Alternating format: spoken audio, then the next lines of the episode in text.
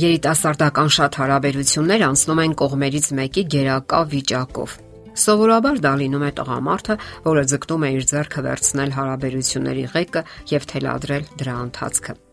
Դրա համար կարևոր են սեփական շահերը, սեփական մտքերն ու դատողությունները, սեփական ապրումներն ու հույզերը։ Իսկ դիմացինը պարտավոր է ընդունել դրանք եւ երբեմն նույնիսկ չկասկածել կասկածելը երբեմն հավասարազոր է հարաբերությունների խզմանը։ Հոգեբանական բռնության այս տեսակն անվանում են գազլայթինգ։ Այն հոգեբանական բռնության տեսակներից մեկն է, ու թեև անվանումը անծանոթ է շատերին, այնուամենայնիվ շատերն են բախվում այդ երևույթին։ Իսկ այս երևույթի հիմքում մեր ապրումների ու դատողությունների մշտական անտեսումն ու թերագնահատումն է։ Պատկերացրեք այսպիսի իրավիճակ Թունդ վեճի ժամանակ դուք ձեր երիտասարդ զրուցակցին ասում եք. Իսկ հիշում ես, թե ինչպես դու անցյալ անգամ հենց այսպիսի իրավիճակում բարկացար։ Իսկ նա պատասխանում է. Այդ ինչ ես ասում, այդպիսի բան չի եղել։ Դուք պնդում եք, իսկ նա զարմացած ու կասկածանքով ձեզ է նայում, ստիպելով կասկածել ձեր սեփական հիշողության, adekvatության եւ դատողության ընդունակության վրա։ Այսպիսի իրավիճակ պատահել է ձեր կյանքում անկասկած պատահել է։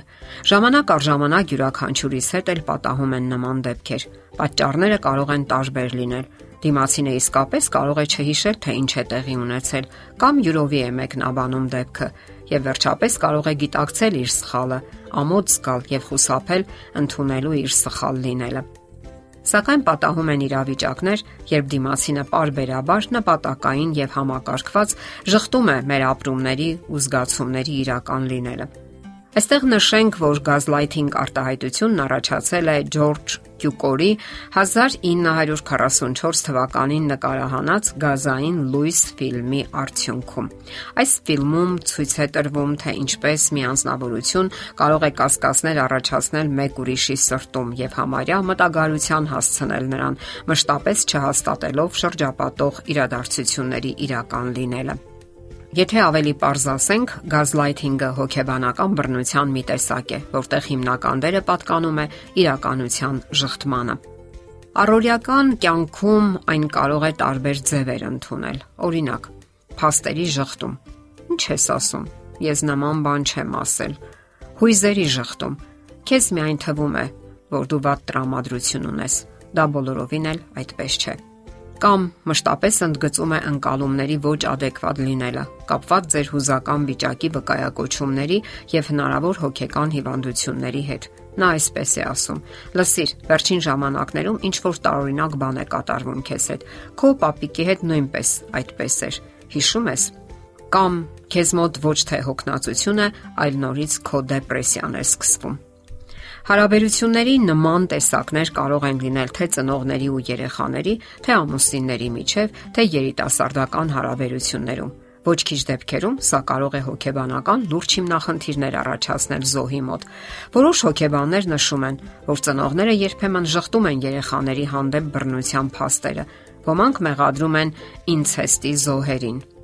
մեղադրելով նրանց մտագարության մեջ։ Ամուսինն իր հերթին կարող է լուրջ չընդունել եւ շղթել կնոջ արցունքներն ու դժգոհությունը եւ հրաժարվել քննարկելու բարդ վիճահարույց իրավիճակները։ Նա այդ համարում է դեպրեսիայի արդյունք եւ վերջ։ Ասենք որ հոգեբանական բռնության շատ դեպքերում մարդն անում է դա անգիտակցաբար։ Բացառիկ դեպքերում է միայն դա հնարավոր։ Գազլայթինգի հիմքում սովորաբար անկած է ուժեղ վախը այն բանի, որ մենք մեր ներդրումն ունենք հիմնախնդիրների մեջ, վախենում ենք կորցնել սեփական արժանապատվությունը կամ շատ ենք ցանկանում լավը լինել։ Եվ այսպես, դուք շփվում եք եւ ստուգում միմյանց հոգեբանական ամրությունը, փորձում եք ձեզնից անկախ կամ միտումնավոր հասնել առավելության դիմացինի հանդեպ։ Այս դեպքում պետք է մտածեք, ինչի համար եւ ում հանդեպ եք ցանկանում առավելության հասնել Իսկ եթե զգում եք, որ դիմացինը այդպես է վարվում ձեր հանդեպ, անկախ այն բանից միտումնավոր է թե ակամա, parzapes լավ մտածեք իսկ պետք են ինձ արդյոք նման հարաբերությունները եւ ում հետ եմ ցանկանում կապել իմ ապագան։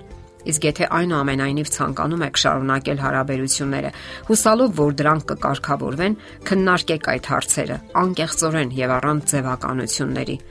Պարզեք ձեզ համար, Միշտ են այդպես ընթանալու հարաբերությունները։ անտեսելով մյուսին կամ պարզապես անտեսելով նրա հայացքները, մտածելակերպը եւ մարդկային տեսակը։